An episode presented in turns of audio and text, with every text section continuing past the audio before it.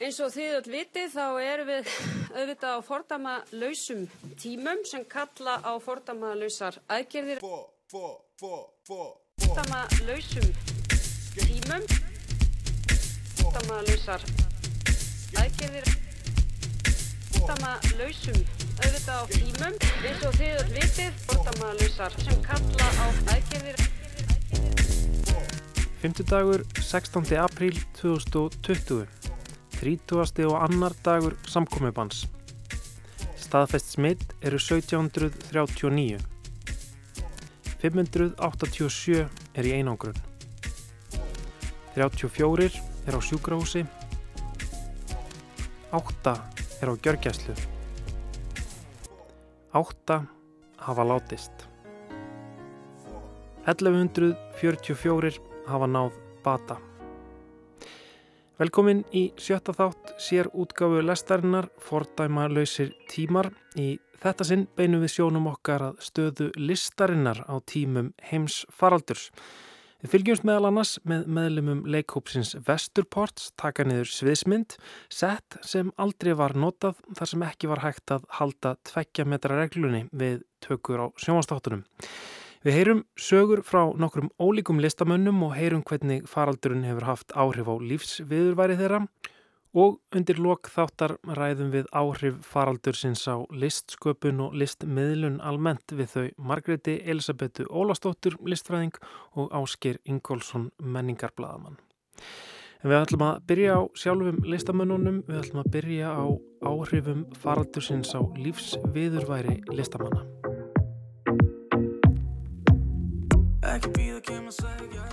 Ég heiti Margret Arnardóttir og ég er sjálfstætt starfandi harmoníkuleikari og já, þarna, þetta ástand, þetta er eiginlega bara frekar skýtt, þú veist, þegar maður ákveður að taka svona stórt stökk eins og að vera sjálfstætt starfandi listamæður, þá veit maður alveg að maður er að taka alls konar áhættur líka þetta. Og þú veist, með tímanum og árunum þá er maður alveg búin að þekka það að það eru hæðir og læðir sem koma og maður er alveg búin að læra meta kort fyrir sig, þú veist, vinna vel og skipula í hæðunum. Og ég meina njóta, en svo er náttúrulega líka kunstin að læra að njóta í læðunum en þú veist, það er úrslega erfitt að vera að skikka það svona úta um, maður er svolítið snaraði niður bara og á bara að vera þar næstu mánuðina. Og ég meina tekjutakið og bara verkefnin sem ég er búin að missa er alveg bara brjálæðislega mörg, ég hef enga tölu á því. Og þeir eru búin að vera bæði, bæði hérna heima á Erlendis, þú veist ég átti að vera á Akureyri á morgun og í Japan og Seattle í næsta mánuði. En í staðin það er maður bara heima hjá sér, bara hlýða við þið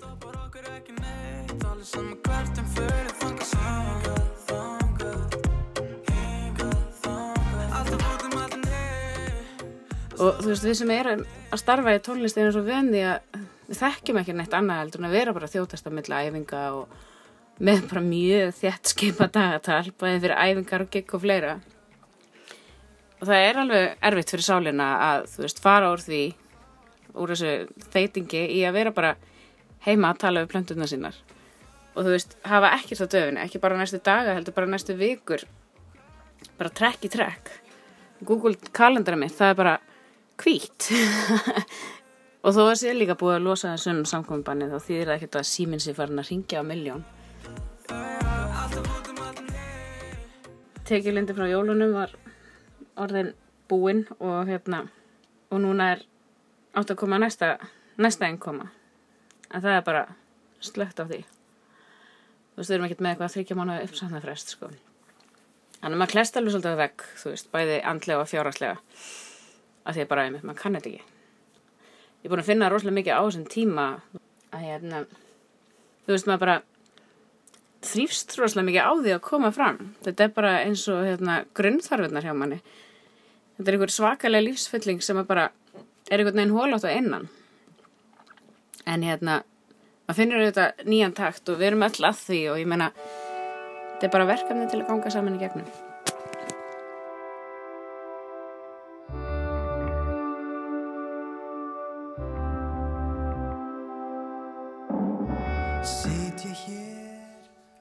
Ég heiti Lógi Hauskuldsson og ég er myndlistamæður. Í myndlistinu minni þá er ég mikið að sauma út, sauma oft út hverstasleikan, geri honum góð skil, sauma oft þessar litlu hluti sem geta glatt mann eða hluti sem maður getur jáfnvel mista af. Þetta ástand sem er í gangi núna hefur kannski aðalega mest áhrif á það að síningar sem voru planaðar núna í sumar hafa verið sagt aflýst eða senkað uh, sem setur eiginlega svolítið svona plönin manns í svolítið erfaða stöðu. Maður er kannski búin að áalla að maður er alltaf að eða þessum tveimur, þreimur mánuðum í að undurbúa nokkuð verk og svo frestast það en þá er það allt í nú dottið inn á mánuð sem maður er alltaf að nýti ég að búi til önnurverk fyrir einhver önnurverkefni og meðan er allt eiginlega í byðstöðu núna, maður veit ekki hvað maður á að gera en hins vegar þá gerst bara tími til að gera eitthvað annað. Til dæmis bara prófa einhverja nýja hluti prófa ný spór til dæmis. Prófa nýja liti og einhverja nýja pælingar. Þannig að þetta er nú ekkert allslæmt upp á kreatífa prósasinn að gera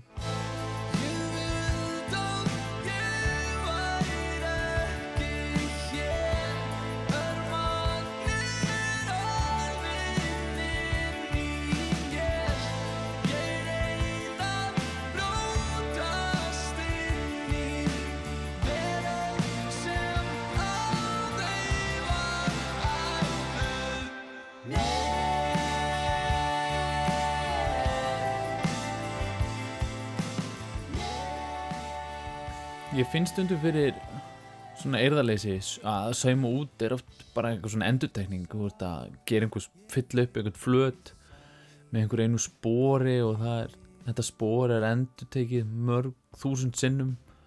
Og jú það komast undir tímar það sem maður er orðin svolítið svona þreyttur á þessu og þá fyrir maður að velta fyrir sér hvað maður getur gert á næst. Um, fyrir faraldurinn þá gæti ég svolítið þá er ég, ég er í hljómsveit sem heiti Bjarta Sveiflur og það var alltaf geggja gott að sprengja upp dagana með að hitta strákana í gluggalösri kjallarakompu og hendi nokkuð lög og nú er það búið en þá tekum maður sér bara eitthvað annað. Ég er líka ótrúlega heppin var að kaupa með sófa rétt áður en, áður en þetta skall allt saman á og, og get núna að spila e, FIFA e, fókbaltartöluleik e, í sófanum mjög næs.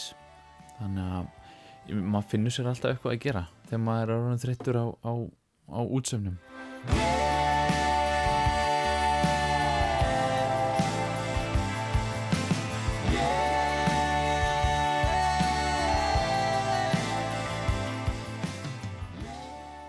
Ég heiti Ragnar Sigurður Bjandóþir og ég er fatahönnur bý í Kaupnöfn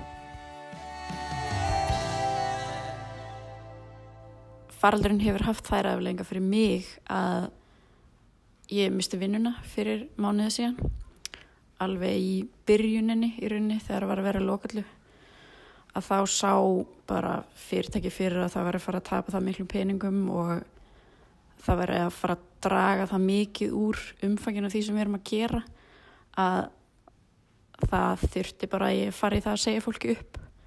Ég er búin að vera að fara svona fram og tilbaka með þetta það var auðvitað mjög leið og svona í svolítið sjokki fyrst. Svo strax nokkru klukktími setna var ég farin að hugsa já þetta er bara snild og það var bara tíma til þess að fókusir á að gera það sem ég langar að gera. Og svo daginn eftir fennum maður aftur í svona akkur ég? Akkur var mér sagt upp? Var eitthvað sem ég gerði? Og svo stutt eftir það þá svona já veist, þetta verður bara geggjað og það hefur alveg verið eitthvað svona aftast í hausnum á mér í langa tíma að fókusera meira á mína eigin hluti. Þannig að akkurat núna er ég á þeim stað þar sem ég bara líti á þetta sem mjög gott óvænt, sparki rassinn til þess að vinna meira á mín einn fórsendum og fá tækifyrir út frá því. En auðvitað er þetta hræðilegu tími til þess að missa vinnuna af því að það er enginn að fara að ráða neitt næstu mánuðu og jafnvel árin sérstaklega í tískubransunum þar sem hann er bara alveg ég held að sé enginn sem er eitthvað hlakkar óksla mikið til að fara að kaupa sér föt akkur núna. Ég og þú gætum verið alveg geggjað par Í rauninni er þetta kannski bara það sem við þurfum á að halda af því að bara það hvernig við notum föt og hendum þeim og kannski er þetta bara góð leið til að fá okkur til aðeins að fókusera á hvað skiptir máli og hugsa meira um gæði og hvernig hlutur eru búin til. Þannig að ég er mjög spennt fyrir því þeim pól í rauninni og langar óssvo mikið að vinna meira þar og vera partur af því. Er að vera ógislega ástfangin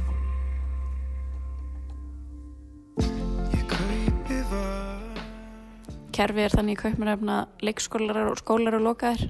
Þannig að ég er búin að vera heima með dóttir mína sem er eins og hálfsvar sem er alltaf algjör snild en það gera svona verkum að ég næ ekki ég með allar þessar hugmyndir um eitthvað sem ég langar að gera langar að prófa og teikna og tala við þennan og hafa samband við þetta fólk. En ég hef bara engan tími að jú, jú, hún fyrir að soga klokkan hálf åtta en þá er ég svo búin á því andlega og það er ekkert endilega þá sem að eitthvað rosa skapandi gerist og það er líka kannski þá sem að langar býr bara slönga á svo hausnum á sér og vera með kærastunum sínum og borða súkulaði þannig að ég er búin að vera að leita svolítið meira núna ég er að alls konar prjóna og brótra og vefa og það er svona hluti sem ég get gert bara á þess að hugsa mikið út í það.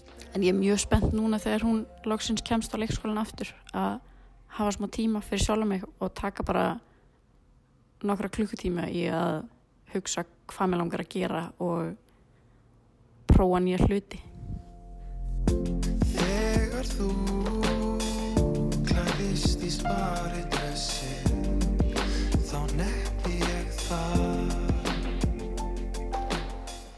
Ég heiti Dóra Júlia Agnarsdóttir og ég starfa sem plötusnúður en er líka í útvarpinu á K100. Það er rosa grillað að líta yfir planið fyrra árinu og sjá hvernig hlutinni geta þróast allt öðruvísi en maður var búin að gera ráð fyrir.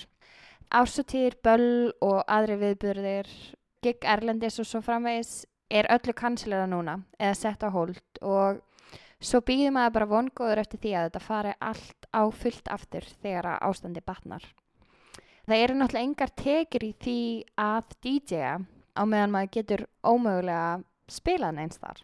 Ég er þó svo ótrúlega heppin að hafa verið nýbyrjuð í útvarpinu hjá K100 þegar þetta allt skall á og ég fekk líka það tækifæri að skrifa stutta jákvæðnispisla fyrir þau á virkum dögum sem hefur haldið mig gangandi og gerir alveg ótrúlega mikið fyrir mig.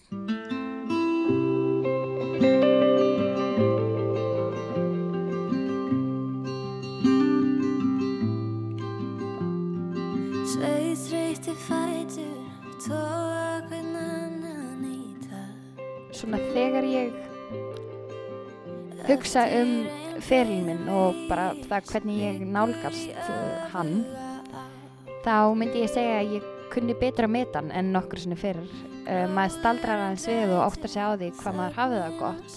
Og maður getur ekki tekið vinnunni sinni sem sjálfsögum hlut þú veist, það eru algjör forréttindi að vinna við svona ótrúlega skemmtilega vinnu, þú veist, ég bara elska að performa og koma fram og það er bara, ég er búin að vera svo heppin og fá svo mikið af skemmtilegum tækifærum þannig að mér þykir rosalega vænt um hana og ég er opbúslega svona meðvituð og þakklátt og það er stundum svona þegar maður er bara á fullu og er bara að gigga á fullu og svona, þú veist, þá kannski gleymum maður stundum að stoppa og tjekka sér bara svona, já, hvar stend ég og hvernig liður mér og eitthvað og þegar maður hefur ekki tækifæri til að vinna þá kann maður rosalega vel að meta það sem maður hafði og vonandi hefur. En við erum einhvern veginn prógramuð til þess að aðlagast og núna, þú veist, ég fer rosa mikið út að hlaupa og í göngutúra og svo fer maður að gera nýja hluti eins og ég er búin að vera mjög duglega að elda sem er eitthvað sem ég gaf mér ekki mikið tíma í áður fyrr. Og þú veist, fara fyrir að sofa og sofa vel og eitthvað svona. En auðvitað finnum maður til eirðarleysis svona við og við. Þú veist, stundum vakna ég og ég þarf að hafa smá fyrir því að fara jákvæð fram úr og byrja daginn því að maður hefur kannski ekki mikið fyrir stafni. En um leið og ég kemur í gang þá rætist úr deginum og þú veist maður gerir náttúrulega bara það besta úr því sem maður hefur hverju sinni og það er einhvern veginn líka alveg ótrúlegt hvað maður getur fundið sér mikið að gera.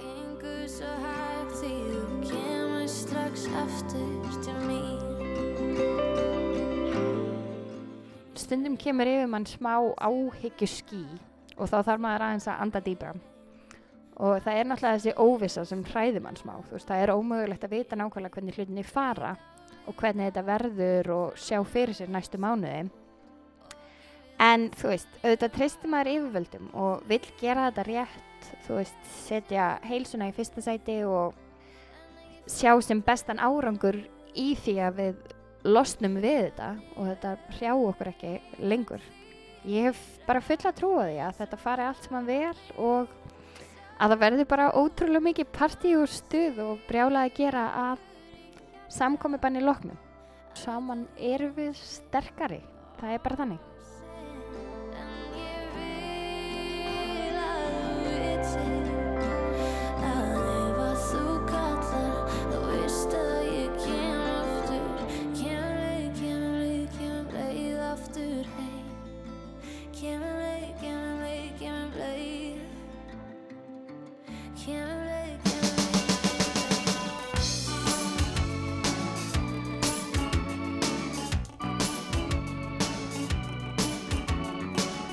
Í Arkarholti í Mósfellsbæ stendur fjölskylda í búferlaflutningum. Samt ekki alvöru fjölskylda, heldur fjölskylda í sjónvarstáttum. Og samt ekki personurnar, heldur leikararnir sem leika fjölskylduna. Það er nefnilega ekki lengur hægt að taka sjónvarstáttin upp á heimilinu. Hvað, er þetta sjónvarpökk að kolvettum stöð? Jó, en ég er svona vinn í þessu. Það er ekki gott að stapla þessum upp og þau innan.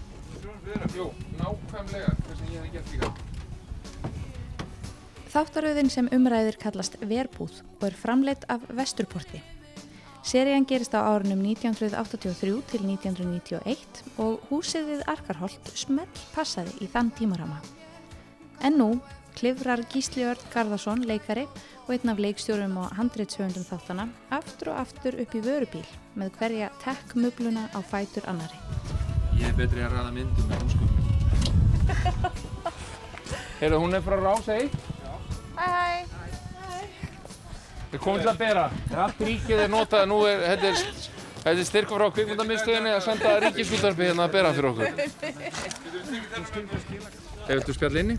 Vil kannski sína mér inn af því að núna er allt fullt á dóti hérna fyrir utan er þá að vera tómlegt inni. Já, þetta er tómlegt. Eins og í kvikmyndabransunum þessa daga.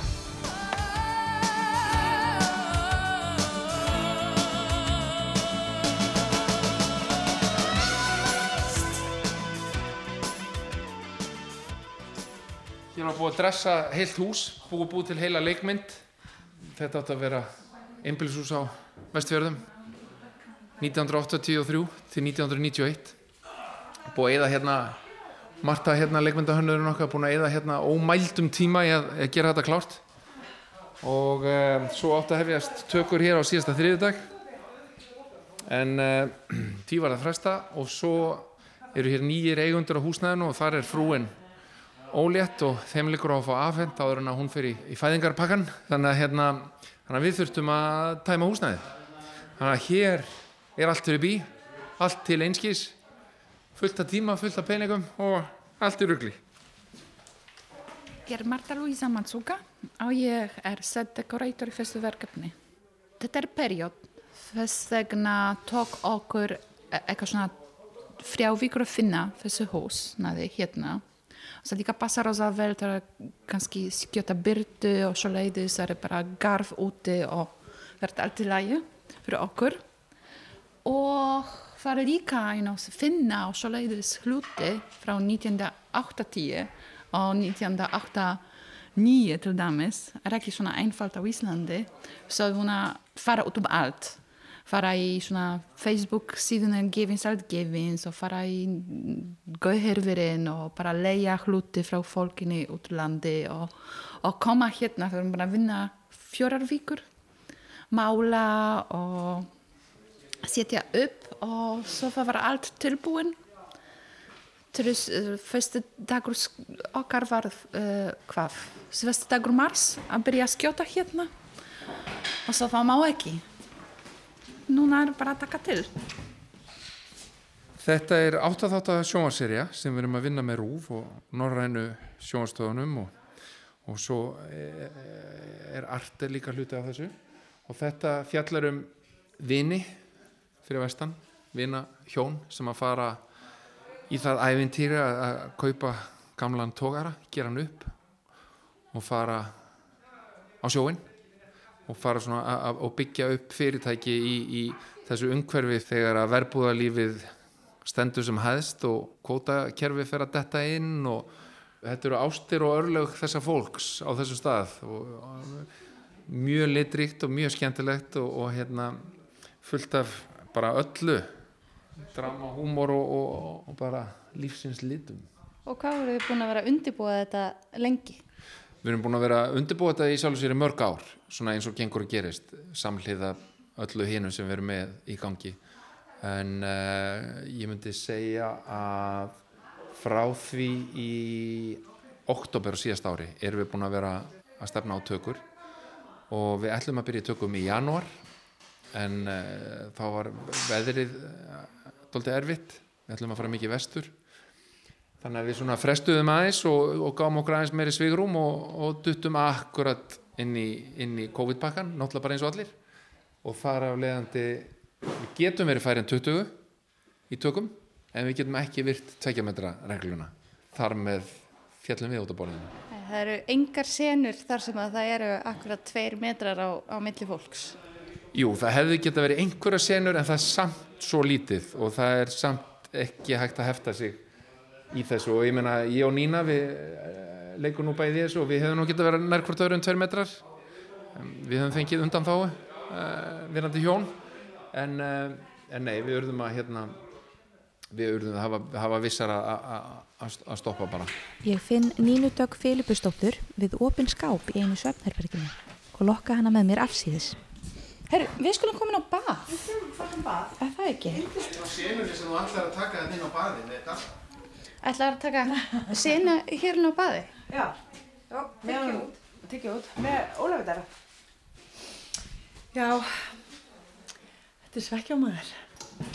Húsið er óðum að tæmast en enn má sjá vísbendingar um hversu hár nákvæm vinna fór í að fínpúsaða fyrir tökur. Hópurinn er svo sannarlega að flytja út úr nýjunda áratögnum.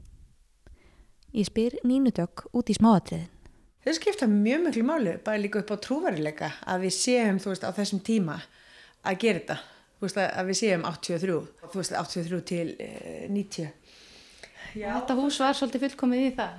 Það var, það var algjörlega fullkomið og svo, svo góður andi hérna inn í þessu húsi þannig að maður er svona, ó, það hefði farið ve- vel um okkur hérna í þessar tíu dagar sem við hefðum átt að vera hér. En það er líka svona bara aðdánavert, sko, hvað þau eru búin að gera ótrúlega flotta, sko, stemmingu hérna, leikmyndadeildin, alveg magna, maður kemur inn og bara svona, wow, þú bara lappar aftur í tíman, sko. Og allir litlu dítelatnir með þess að búa að fá sko gamla skólabækur frá 80, þú veist, from the 80s, 90s já, ég bara fekk svona nostalgíu kast bara sá gömlu starffræðabókina mína og fyrsta bekk, bara, óh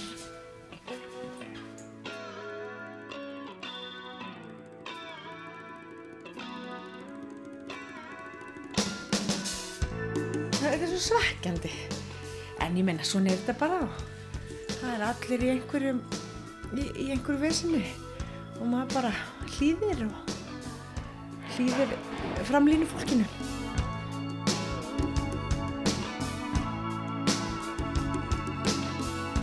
Við Björn Hlínur Haraldsson ræðumst við inn í þvottaherbergi. Hvernig þér flutningar ganga? Mér finnst þið ganga alveg ótrúlega vel. Með að við þurfum ég sá hvernig var búið að gera þetta hús upp hérna eða svona interióri þá finnst mér ótrúlega að við erum búin að ná þessu svona stuttum tíma. En við erum stór og duglegur hópur við erum vön flutningum. Við erum verið að flytja í 20 ár leikmyndir og, og allskynns húsbúnað. Við hugstuðum eftir á sko við hefum átt að fá okkur meira próf og, og vörubíl í staðin fyrir þetta leik listarpróf hérna sem við náðum okkur í saman þannig að hérna, það hefði komið betri nótum sko. En þetta gengur vel sko, við hefum síðan svartara sko. Það er eitthvað svo sorglegt við það að þurfa að rífa svona niður þegar að það hefur ekki verið notað. En þú ert ekki sorgmættur í dag, þú ert ekki leiður. Æ, þið, það er ekkert hægt að maður sko, það er meiri segja sorglega sko að taka svona niður þegar það er búið að skjóta senurnar, af því að þetta er svo flott gert hjá þeim, þetta er svo hérna smáatriðin, þetta er svo, það er svo mikið lagt í allt og, og mikil vinna sem fer í þetta hjá leikmynda og leikmunadildinni, þannig að það er bara synd að það sjáist ekki bara á skjánum, en við þurfum bara að finna annar staðar, þetta er bara tvíverknaður bara par excellence. Hvernig upplifir þú að vera svona að vera listamæður í þessari krísu allri?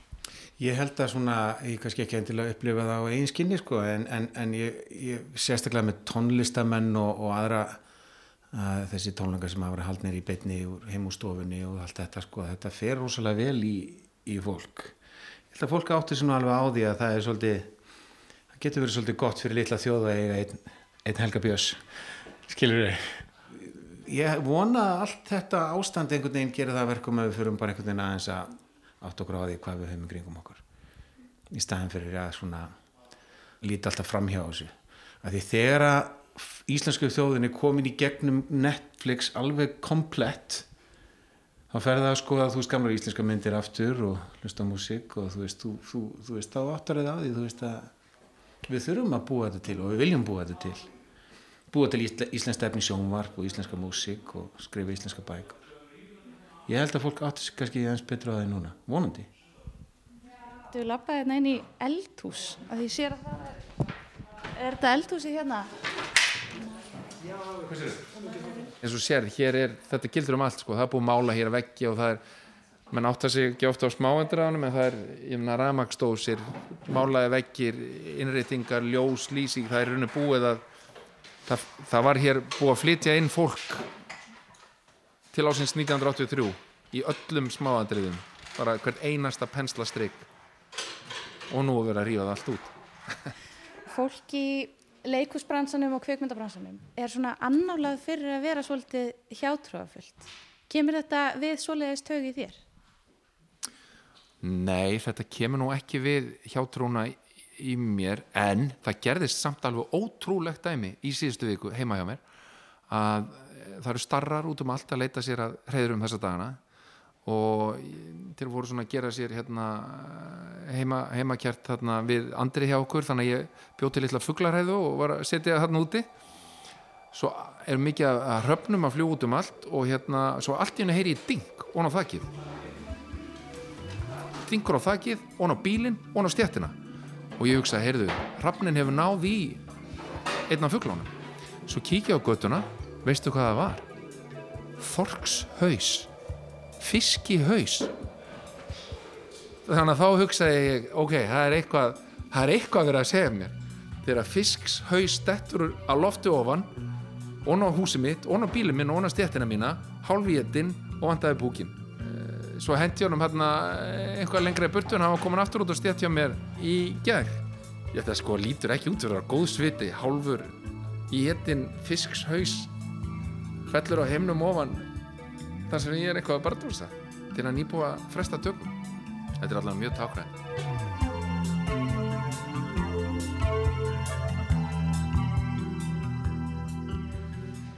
í dag í rauninni hefðum við átt að vera að ljúka tökum inn í þessu húsnæði. Þannig að við hefðum í sjálfu sér átt að vera að tæma það búin að vera að taka upp hérna í 8 daga.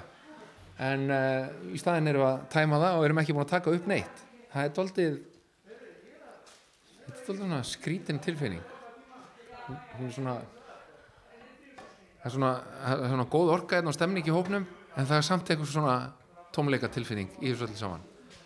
Það er alltaf pásu. Við, við vitum ekki hvenna við megum byrja aftur frekar en neitt annar þannig að við verðum í rauninni að býða og sjá uh, þegar við fáum þess að halda áfram að þá þurfum að fara á fullt að leita að húsnæði. Þannig að hér með auglýsum við eftir húsnæðum sem að eru svona í þessum 70 stíl á höfuborgarsveðinu sem að, sem að getur hugsalega verið laus þegar að, þegar að tvekja metra reglan er afnuminn þá, þá væri við afskaplega taklátt ef einhver hefur okkur í huga og er að fara að flytja eða er á, á milli húsnaða þá, þá erum við mjög góðu leiðutæki í millitíðinni.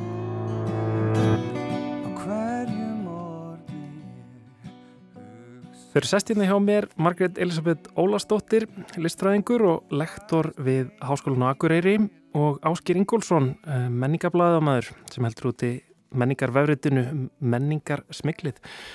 Um, við um, framfylgjum uh, tveikjametrarreglunni að minnstakosti það að því að þau eru stött á Akureyri í nokkur hundruð kilometra fjarlæð. Við erum velkomin bæðið tvö. Takk. Við ætlum að ræða uh, já, listina á tímum samkominnbans, listina á tímum faraldurs. Um, listin sko hún, hún veldur, uh, já sko hún, hún finnur sér yfirleitt rými í svona einhverju svona almenningsrými, opnu, opnu rými við komum saman og, og njótum og upplifum list, listar. En um þessar myndir þá eru engin slík rými í bóði þannig að mikið mikið af listinni fer fram á, á netinu í svona hinnu stafræna rými. Um, Margrét, ef ég, ef ég bara byrja á þér, um, sko list hefur auðvitað uh, verið miðlað lengi í, í þessu stafræna rými og fólk hefur notað það. Um, hvernig blasir þetta við þér núna? Eru við að sjá, sko, ertu, ertu að taka eftir að fólk sé að nota þetta rými á nýjanhátt eða er, er það bara meira því sama sem við höfum séð áður í þessari stafrænu miðlun listarinnar?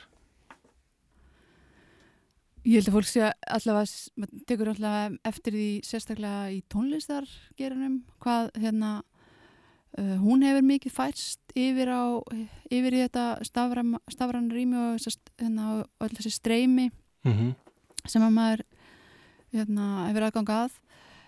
Uh, ég var að hugsa að því að uh, ég hef nú viðfóksefnum mitt hefur verið mest kannski myndlist og reynda líka vídeo sem að hefur náttúrulega líka fyrir tíma COVID alveg átt heima að hluta til á netinu þó að það byrtist kannski aldrei með sama hætti eins og þeirra verk eru sett inn sem innsetningar í stórum síningum og söpnum og mörgum skjám og, og eitthvað svo leiðis en ég líka haft áhuga á hérna, koma að segja, rafrænum og, og stafrænum miðlum sem hreinlega miðlar til að skapa list en ég fór einhvern veginn að hugsa já, býtu hvernig uh, hvernig á maður að hérna, ræða þetta? Og, og ég fór svona eitthvað aðeins að hérna, googla mm -hmm.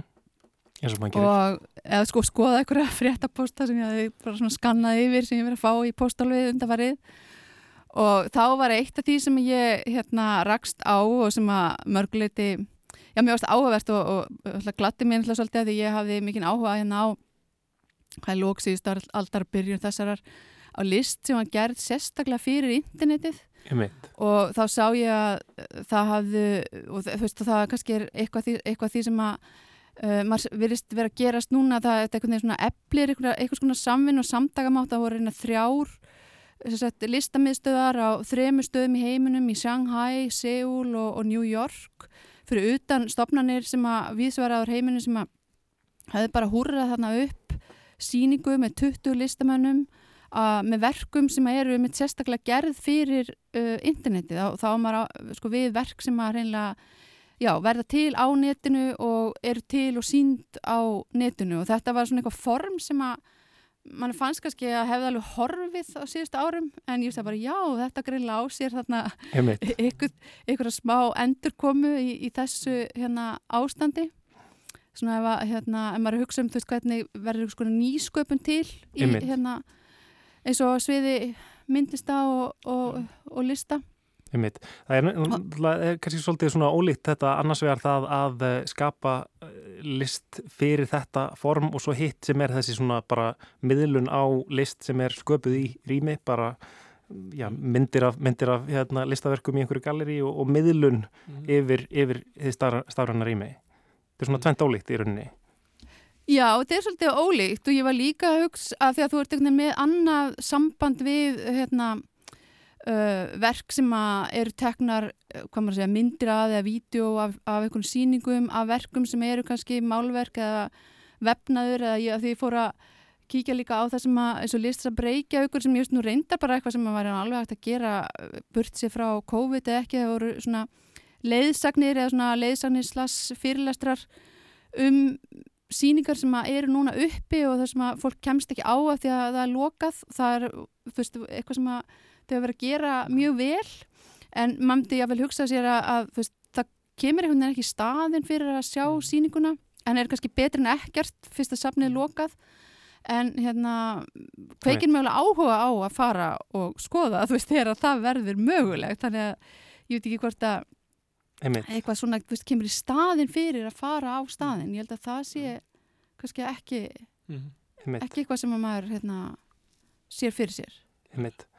Ég, ég til dæmis tekið eftir sko þegar maður er að hlusta á tónlistamann spila heimi hjá sér og hérna eða ljóðskáld að lesa upp heimi hjá sér að sko ég sé þau en þau vita ekki ég er að horfa.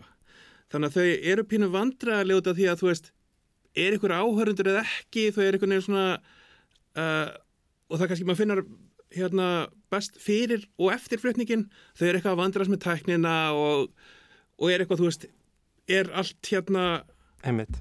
er, allt að virka, er ég í beinni í alvörinni þetta er fólki kannski að byrja þetta að segja áfram með þetta. En, en síðan þú veist hlusta maður og, hérna, og sér þau sko en hérna, þau bara vita það ekki og þau fá ekkert klapp og fá ekkert, eða, og ekkert pú heldur sko. Þetta er svona pínu skrítin staða fyrir eitthvað sem þú ert vanur að gera fyrir framann fólk. Ég veist þetta er alveg áhugavert af því að þá kemur það kannski líka einmitt inn í það að ljóðskáld sem að skrifar texta eitt í, Mhm. hérna, og, gefur út bækur og mögulega Mhm. hittir sína lesendur aðla í ykkur svona samhengi það sem er upplestur og það sem ert með fólk Mhm. fyrir framaðir Einmitt. og svo er þessi einstakleikur alltaf einu sestur fyrir framann með tölvun og hann fara að taka sig upp að þá kemur alltaf eitthvað nýtt form miðlunar sem það hefur kannski ekki verið að fást við Mhm. og einmitt, þú veist Já. og þannig að þú ert einhvern veginn að glíma við að læra á það leið þú ert að Mhm. koma hluturum að framfari það er líka áhugavert kannski Mhm. það, þú veist hvað, hvað maður að segja þessi miðlunarleðir henda fólki mísaflega eða, eða hvað, hvað það er um, hvað sem maður að segja það er, um, er ekki allir á sama stað Einmitt. þegar þeir eru að koma að þessum miðlunarleðum ég meina, uh, til dæmis sem bíó eða það er náttúrulega þú getur náttúrulega ekki verið að taka núna bíómyndir með tugum eða hundruðum eða þúsundum manns.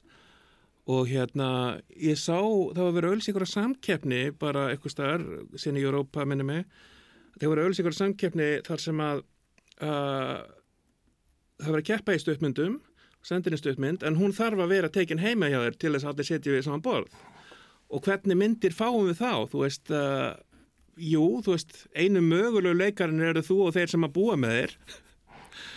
Og hérna svo getur náttúrulega fa- farið bara þá leið að gera bíómyndir án leikara en þá náttúrulega hefur bara hérna heimilið þitt sem eru þetta takmarkaða vettvangur en þú getur auðvitað gert alls konar með það. Þú getur kannski fara bara til að gera hérna teiknimyndir með hérna með hérna leikfangu barnana sinna eða eitthvað sko.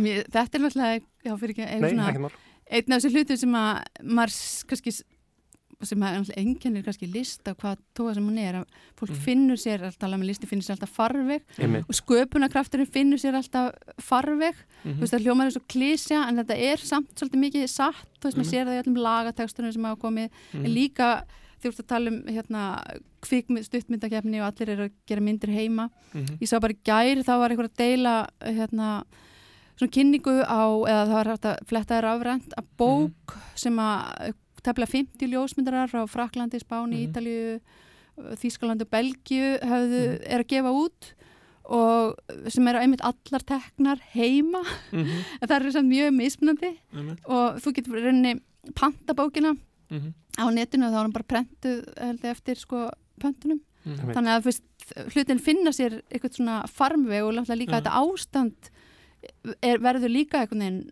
hvað maður að segja, uppspretta Mhm. eitthvað skonar sköpunar eða nálgunar eða, Einmitt. eða, eða farvegs en, Uh, Það má náttúrulega taka íranska, það er alveg nokkrir íranski leikstjórar sem að hafa gert hérna bíómyndir í stofangisi sem að hafa bara þótt heldur góður og gert það, gert það gott Einmitt. og núna kannski fyrir við bara að sjá holskefla slíkum bíómyndur frá Vesturlundum sko. En hvernig bara sko Tarantino heima hjá sér Já. hérna. En hvernig hérna sko við bara um, um leið og þetta ástand hófst þá sá maður einhvern veginn einmitt þessa sko nánast sko hólskeflu af, af öllum þessum streymis viðburðum uh, eins og, eins og þið segið sko allir þessi tónleikar svo höfum við séð ljóðaupplæstur, uh, leikhúsin um, leiklestrar um, bara, já, innan úr hérna, listasöfnunum og bara hitt og þetta Mhm. og sko persónlega, sko, mér fannst þetta sko strax svo mikið að ég eiginlega svona ég, ég bara náði ekki að fylgjast með neinu að því að þetta var svo, einhvern veginn allt í hennu var maður meðvitaður um allt þetta sem að er að gerast og kannski Mhm. eru þetta svo sem allt viðbyrðið sem að hafa verið í gangi og hefðu verið Mhm. í gangi og maður hefði kannski ekki tekið eftir en núna þeir, finnst manni eins og þessi allir alveg ofan í manni það er svona, svona Já, maður er áverið punktur því að allt í hennu þarf maður ekki að fara út heldur kemur Mhm. þetta allt inn bara allt í hennu allt á Mhm. gólfinu hjá manni bara, en það er alltaf Mhm. gildi líka um þess að fjarfundi sem búið að vera að tala um allt í hennu komin inn í stofi á fólki er tekið viðtölu Já. fólki fréttum bara inn í stofu hjá öllum Mhm. og einhvern veginn Já. allt verður svona og allt kemur inn til manns Mhm. Einmitt. það er og ég er svo sem var byrjar að finna fyrir þessum interneti bara nú þegar, þú veist, það er einhvern veginn það að hafa access að einhvern veginn öllu en samt ekki og hafa ekki tíma fyrir það. En það sem ég kannski fóröld við þetta, þetta er náttúrulega uh, þetta ástand fyrir listina og fyrir svo margt annað er bara svona hálfgerð tilraunastofa. Að það er alls konar sem við erum að prófa núna og einmitt, sumt virkar kannski alveg að vel að þú veist, maður er að sjá fólk að tala um bara, ok, heyrðu, hérna það var hægt að halda alla þessa fundi með töluposti og eitthvað svona sko. En annað sem að fólk finnur að virkar ekki að vel að það náttúrulega, þá fer, fer fólk bara aftur út og fer í leikust þegar það verður hægt. Einmitt. en náttúrulega máli er þessi tækni er búin að vera til staðar úrslega lengi í raun og veru megnaðafinni en fólk hefur kannski uh, verið hrætt eða hrætt við að nota hana eða bara ekki haft trú á henni. Núna þurfa þetta að prófa hana og sjá hvort hún virkar og hvort hún virkar jafnvel og í kjölfarið kannski eitthvað á eftir að gjörbreytast og eitthvað en í einhverju öðru þá bara tekur fólk ákvörðun, heyrðu það er bara betra að fara í en að horfa á því sjónvarpinu Einmitt. Og, og uh, maður auðvitað hefur séð það mikið af, listamönnum sem að já, reyða sig á tekjur af svona lifandi vi- listviðburðum sem að hafa allir Mhm. fallið niður núna og hefur verið að, fólk hefur verið að bjóða upp á streymi en ekki að sko rukka fyrir það þannig að það er kannski Nei.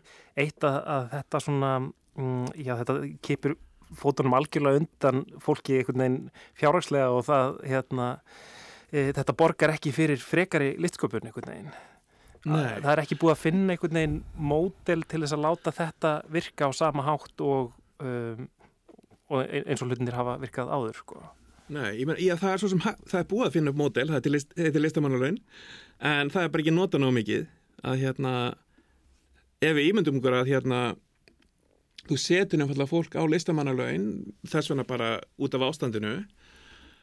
Og bara tónlistamenn sem annars var að túra að þá hafa þeir alveg bara afsökun fyrir að vera heima í stofu annarkot að skapa eða hérna vera með tónleika á netinu eða hvað sem er. Mhm. en núna er það náttúrulega flókið að þú veist jú, það geta alveg verið að streyma ykkur en þeir hafa kannski bara aðalega fjárasákjur og er að velta fyrir sér hvernig fjandana þeir eiga að lifa næsta, má- næstu mánuð eða fjáraslega Einmitt, fylla út Já, uh, ég held að það sé rosalega hérna, skjölinn Já, nefnir þetta er náttúrulega mjög mikilvæg umræða að maður sér það að núna einmitt er farið að koma upp kröfur frá listamennum sem finnst hafa verið jafnvel á réttir að gengið Mhm. í, þú veist, nótkun á efni sem verið, þegar verið tekið upp eða eitthvað sem er verið að Mhm. endur sína Mhm. og ég held að þetta sé hérna, einmitt þessi tekjuhlið sem að hérna, sko, já, skiptir bara rosalega miklu máli af því að ok, listamannalaunin minna, þau eru er löngu hægt að vera eitthvað laun sem þú fær bara án þess að það hangi eitthvað á því að þú eigir að þú veist, skila af þér eitthvað þessu og þessu Mhm. verkefni.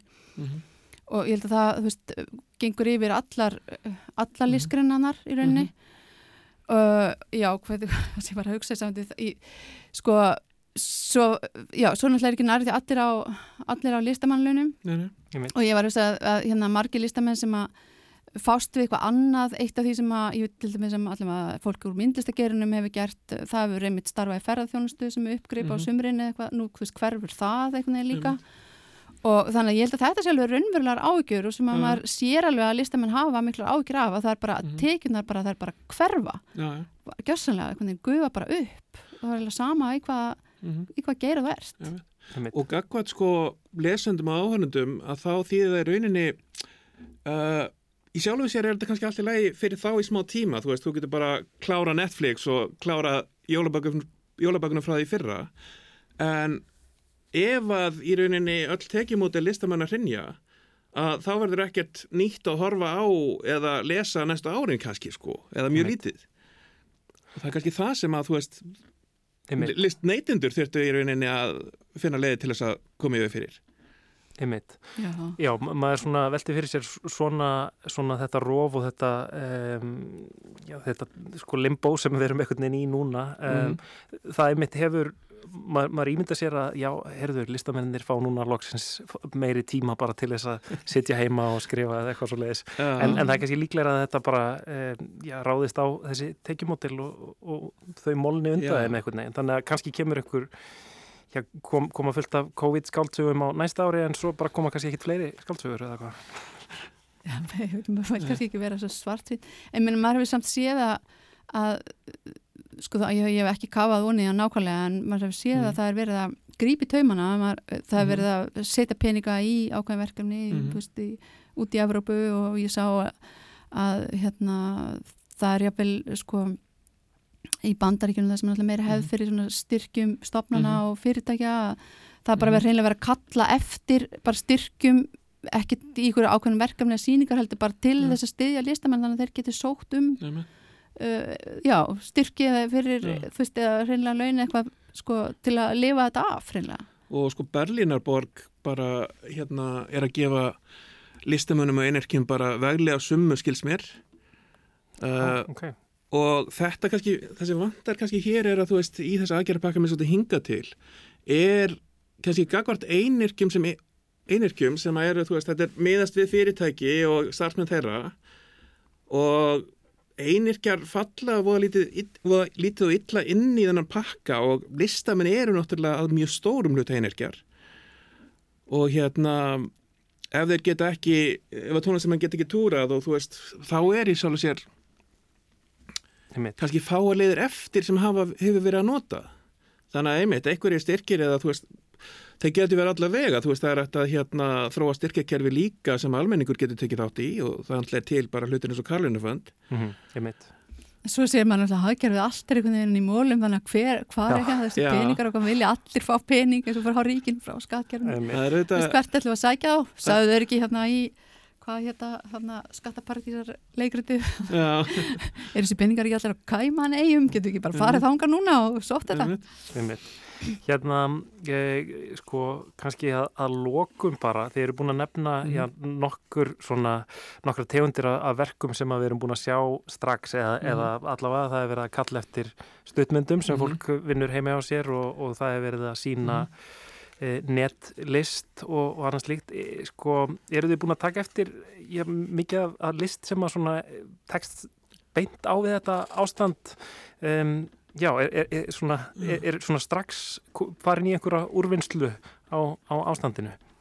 Uh, það getur verið að sé eitthvað að núti, ég er ekki búin að sjá sko neitt nýtt en það er kannski eitthvað eldrefni sem maður er einhvern veginn uppgöt að er hérna einhvern veginn tengt COVID uh, og er beintengt sko, bara palliðinni heiminum er auglustæmi og ég var bara hérna uh, hvað heitir það hérna þetta dýr, uh, eitthvað svona skeldýr sem að hérna marga grunar að sé hérna uh, hísillin sem að var á milli leðublökunar og mannsins sem, sagt, sem að dýri sem að kom hérna veirun í mannin að, og ég bara svona horfði á það hérna myndaði í gær og bara þetta verið helviti skemmtilegt gæludýr og fattaði skemmtilega Gremlins er kófmynd, þetta er myndum eitthvað sem að fær hérna krútlegt gæludýr og hérna kemur ekki rétt fram við það og þá bara verða til alls konar litlir drísildjöflar og veirur sko Aha, einmitt. Þannig að við erum farin að lesa kannski eldri verk í, í ljósi, ljósi aðstæðna. Margrét, hefur þú tekið end, eitthvað eftir? endurvinnslu verkum sem er að Já. taka það var eitthvað sem að gegn úr auðum lofum hérna, já, á Facebook held ég, eitthvað sem var búin að taka personur út úr málverkum til dæmis og Já, eitthvað svona velta fyrir sér sko hvernig, maður sé svolítið af svoleiðs hlutum Já. sem eru svona kannski fyrstu viðbröð einhvern veginn, hvernig hefði þetta nú litið, litið út eða verið eða já, þess að svona endur, endurvinnsla Va, var ekki hérna síðasta kvöldmáltíðin á hérna Zoom-fundi? Já, það var eitt af því? Jú, það var eitt af því, já og eitthvað svona einmannalegar já, einmannlegar Mhm. sálir á, á sunnudagsgöngu. Þannig að við erum kannski ekki alveg komin á þann stað að við getum farið í einhverja svona djúbstæða úrvinnslu á þessu heldur er kannski meira eh, upplýfgandi eh, skemmti efni á einhvern nátt Já, sko sem ég hef aðeins verið Skissunar kannski. Já, skissunar, einmitt. Eh, Ég hef svona kannski aðeins verið að reyja líka bara hérna það sem kom í kjölfarið á hruninu. Og Já. þar var kannski, það var ekki mikið sko að beinum hrunverkum, alveg ykkur en maður samt fann fyrir því í mörgu Einmitt. og ég var með þess að bara hérna að reyja upp gammalt viðtal við hérna leikskáld og hérna sem var tekið hrun veturinn 2008-2009 bara og allt sem hún var að segja um ástandið að það átti bara ennþá betur við núna. Já, einmitt. Áhugavert, um, en við þurfum að uh, láta þessu lokið í byli Áskir Ingólfsson og Margrét Elisabeth Ólastóttir bæði stödd á Akureyri og ég vona að því sé að verða tvekja metra regluna þannig hinum megin um, Takk kærlega fyrir metrum. Takk kærlega fyrir komin í lestina Já, takk kærlega Takk sem leiðis.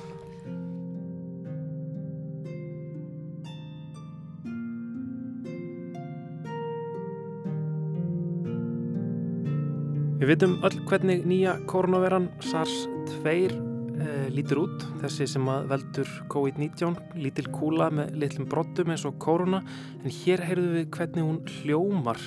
Markus Búler, professor við MIT Háskólan í Bandaríkjunum, hefur ásamt kollegum sínum skapað þessa hljóðgerðu mynd af veirunni. Hver brottur í kórónu veirunar er gerður úr þreymur prótenkeðjum sem vefjast um hverja aðra. Búler hefur gefið hverju próteni og hverju formi sem hún myndar ákveðna, ákveðin hljóðræn fyrirmæli. Og niðurstaðan segir Búler að geti varpað ljósi á hluti sem smásjáan getur ekki. Við getum heyrt hluti sem við sjáum ekki og þar með getum við jáfnvel skilið veiruna betur og barist betur gegninni. Ég veit það ekki, en þetta er bara frekar fallegt. Þátturinn verður ekki mikið lengri hjá okkur í dag og þessa vikuna. Tæknumæður í dag var Einar Sigursson. Við þakkum fyrir samfélgina. Verið sæl.